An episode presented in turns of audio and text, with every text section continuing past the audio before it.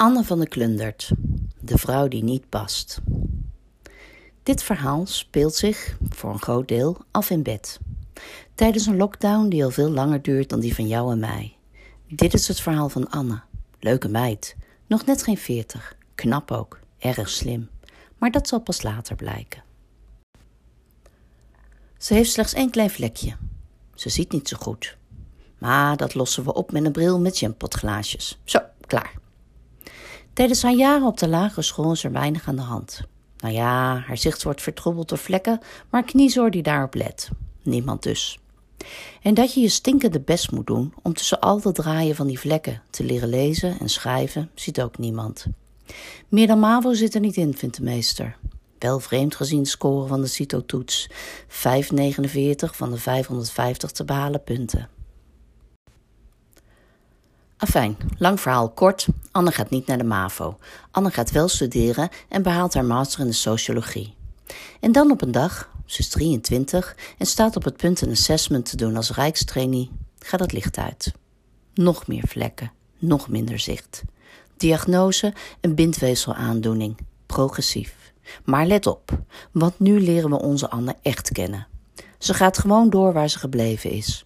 Als je een hele universiteitsopleiding kunt doorlopen met vlekken, moet je toch ook vrijwel blind je weg kunnen vinden? Gewoon de rijkstrainee kunnen worden. Ze gaat op computercursus in het Blindeninstituut. Voor Braille is ze te oud, sorry, maar zo zijn nu helemaal de regels. Ze krijgt wel een aangepaste computer. En dan wordt ze gebeld. Rijksoverheid aan de telefoon. Sorry, dingetje, waren ze vergeten te melden. Nieuw beleid. Dit jaar worden de allochtonen met voorrang aangenomen als rijkstrainee. Dus helaas, daar hoort ze niet bij. Vertwijfeld roept ze nog dat ze ook een minderheid is. Ze is een blinde. Ja, sorry, maar wel een witte blinde. Al ziet ze dat zelf niet. Eén ding moet je het universum nageven. Het heeft verdomd veel gevoel voor humor. Want weet je waar ze op afgestudeerd is? Op de bijwerkingen van goed bedoeld beleid. Anne zet de knop om, wordt coach, gaat de politiek in. Want we kunnen allemaal wel roepen dat het zo niet langer kan. Maar wat willen we dan wel? Daar gaat ze, hoog gehakt met wandelstok en geleidehond. Land met stipt in het talentenklasje van de Tweede Kamer. Anne voor president. De wereld kan wel wat Anne gebruiken. Anne de verbinder. Anne die ziet waar anderen blind blijven. Hoe je medische zorg voor mensen aan gezelschap van dieren koppelt. Nee, dat is niet vies. Nee, dat is niet of-of. Dat is en-en. Neem de man met Alzheimer. De namen van zijn kinderen dolen al jaren door zijn verdwaalde brein. De kinderen zelf trouwens ook. Maar Pablo, de naam van Annes hond, weet hij feilloos. Telkens weer. Net als dat zijn door dementie verkrampte handen toch een bal weten weg te gooien. Wonderlijk toch? Deze man kan wel dingen. Dankzij die hond. Waarom doen we daar niks mee? En dan valt haar lichaam om. Want bindweefsel zit overal. Want ja, progressief. En zie dan nog maar eens de moeder in te houden. Een mens zou van minder onder een dekbed gaan liggen. Anne niet. Anne wordt de vrouwelijke versie van Stephen Hawking. Compleet met rolstoel en 24 uur hulp. Anne wordt dokter Anders Ami. Oftewel, dokter Anders Ami. Jouw vriend voor alle zaken waarvan iedereen roept dat het niet kan. Want hashtag het kan wel als je maar wil. Zie je, Anne heeft iets merkwaardigs gemerkt. Het beeld van Anne is gekanteld. Anne de sociologe en Anne de politica zijn voor de buitenwereld gesneuveld.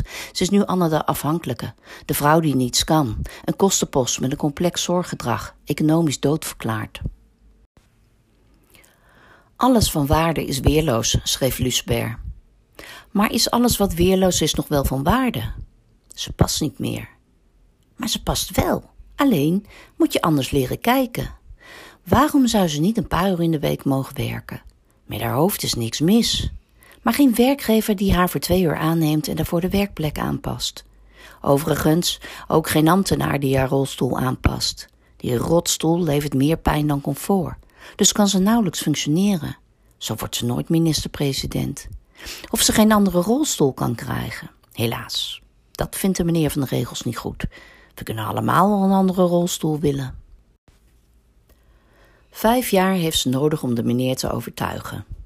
Best lang als je terminaal bent. Maar de meneer van de regels vindt dat ze niet moet zeuren. Ze ademt toch nog? Nou, vooruit. Hij is de broodste niet. Er komt een nieuwe rolstoel. Erewoord. In het voorjaar. Of nee, ja, het wordt toch zomer. Wat? Zijn de blaadjes alweer van de bomen gevallen? Er moet nog een heel klein dingetje getekend worden. Helaas, de meneer van de regels is even met vakantie. Over tekenen gesproken, of ze wel echt gehandicapt was. Ja, we kunnen allemaal wel blind willen zijn. Of ze even dertig formulieren wil ondertekenen. Wat zegt u? Oh, ze is blind. Ze ziet niet wat ze ondertekent. Ja, sorry. De meneer van de regels heeft de regels ook niet bedacht. Anne kan er inmiddels een boek over schrijven. Wat zeg ik? Ze is er een boek over aan het schrijven. In dat boek wil ze mensen inspireren een happy helper te zijn. Ja, sorry, een beetje rare omschrijving misschien, maar iets beters heeft ze nog niet gevonden. Kijk, toen iedereen zei dat het niet kon, kwam er iemand die niet wist dat het niet kon. En toen kon het toch. Nou, dat is een happy helper. Ze wilde meneer en de mevrouw van de regels inspireren toch binnen een uur een formulier te tekenen. En niet na tien maanden. Dat ze niet binnen het protocol past, weet ze toch al lang. Ze laat zijn formulier niet voor niks zo lang liggen. Bied het change en schaf die onzin af. Ooit vroeg iemand haar: Wat wil je nog zien voor je helemaal blind wordt? Jezus, wat een vraag. Moest dat nou? Maar kennelijk had ze toch een lijstje in haar hoofd, want ze noemde het Noorderlicht in Nieuw-Zeeland. Die persoon bleek achteraf een happy helper. Iemand met een reisbureau die de bakens verzette, vroeg wat ze nodig had en Anne naar Lapland liet gaan. Nieuw-Zeeland is nog niet gelukt. Toen zat ze al in een elektrische rolstoel. En die mag niet met haar in het vliegtuig. Niet omdat het niet past, maar ja, ze is nou helemaal afgesproken.